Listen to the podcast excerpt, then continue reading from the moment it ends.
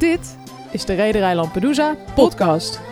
Aan de Amsterdamse grachten. In deze podcast varen we naar plekken waar je verhalen hoort uit migratiestad Amsterdam. Verhalen van nieuwkomers, van vroeger en nu.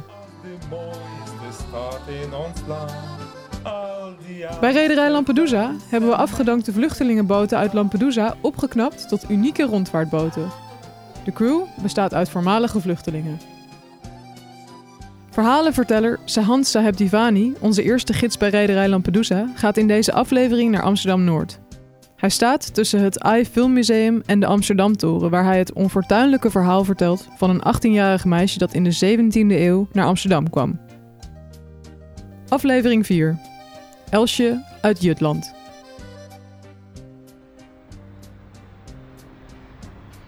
Ik ben een migrantenkind, opgegroeid in Amsterdam-West. Een basisschool waar eh, er geen Nederlands werd gesproken. Wanneer er Turkse en Marokkaans-Arabische les werd gegeven, dan liep de klas leeg.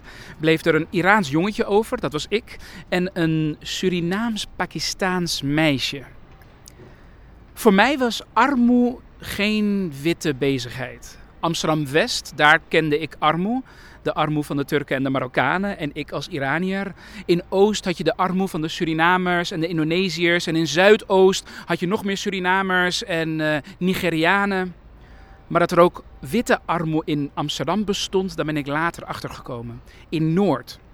Veel later, als jonge volwassen man, mocht ik daar optreden. En daar aangekomen heb ik een verhaal verteld. En een man, een jonge man, die kwam naar mij toe. Een witte, sterke jonge man. En die begon iets tegen mij te zeggen waar ik niets van verstond.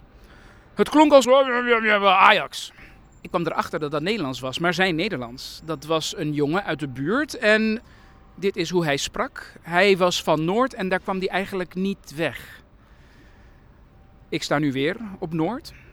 Er wordt flink gebouwd. We staan naast een gigantische Shell-toren en het EI Filmmuseum. De veerboten gaan af en aan en die brengen vooral Amsterdammers zoals ik uit het centrum met hun fietsen naar Noord. En voor die nieuwe Noorderlingen wordt er flink wat gebouwd. Eh, broedplaatsen, cultuurcentra, woningen, nog meer woningen, heel veel woningen vooral. Trucks die af en aan gaan met bouwmaterialen. Die jongen die zal zich niet heel lang meer thuis voelen in het Noord zoals hij dat heeft gekend. Een aantal eeuwen geleden kwam er een andere witte vrouw bij wie die armoe ook hoort. Dat is Elsje Christiaans. En zij komt uit het nu rijke Denemarken. Zij komt uit Jutland. Zij komt hier aan op 14 april 1664 en is op zoek naar werk, naar arbeid als dienstbode, bediende in het op dat moment zeer rijke Amsterdam.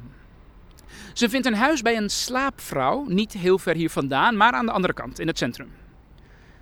En daar duurt het twee weken voordat haar huisbazin, de slaapvrouw, die de kamer aan haar verhuurt, om huur vraagt. Want de huur is een daalder per maand, geld wat zij niet heeft. Daar ontstaat een ruzie over en die vrouw die eist dat het kleine beetje wat zij aan bezit heeft, een klein doosje met wat goedkope prulletjes erin, ja voor haar zeker geen prullen, maar herinneringen van het Jutland wat zij heeft achtergelaten, dat zij dat inlevert als huur. Uiteindelijk pakt zij in haar wanhoop, Elsje heb ik het dan over, 18 jaar jong, een bijl en slaat daarmee op de hoofd van de huisbazin, die van de trap valt en in paniek rent Elsje het huis uit. Ze springt in het damrak, want de buren die zijn erop afgekomen en daar wordt ze natuurlijk heel makkelijk uitgevist. In de komende dagen wordt zij drie maal verhoord en er komt een bekentenis.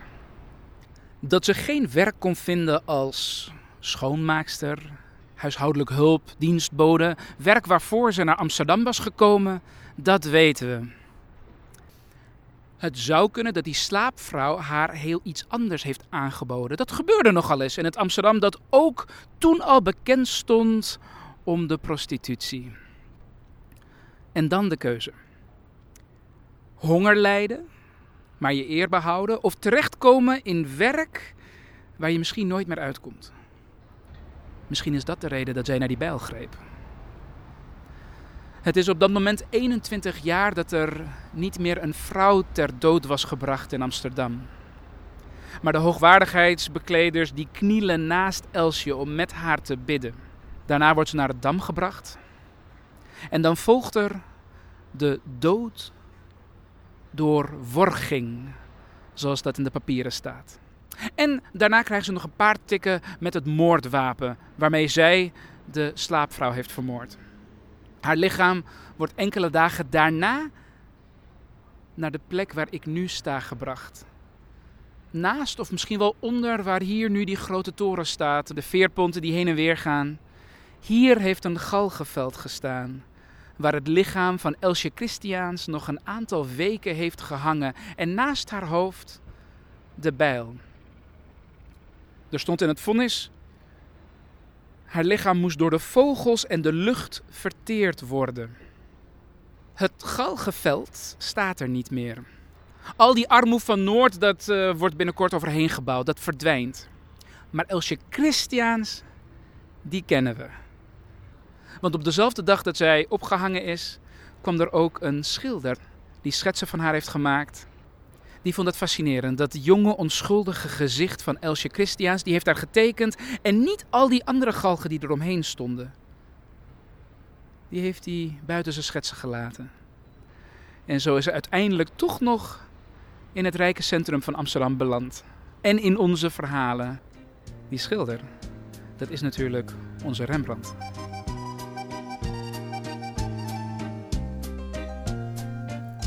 Dit was aflevering 4 van de Rederij Lampedusa podcast. Ik heb één voetnoot bij het verhaal van Sahand. Wat je moet weten is dat de slaapvrouw Elsje eerst aanviel, met een bezem. Deze podcast werd gemaakt door Baram Sadeghi, Mo Almazri, Sahand Saheb Divani, Teun Kastelein, Daphne Grotink, Katinka Beer, Tommy Sharif en door mij, Felice Pleiter. Gaat er een bootje neer te. Wil je meevaren met Rederij Lampedusa? Kijk dan op www.rederijlampedusa.nl.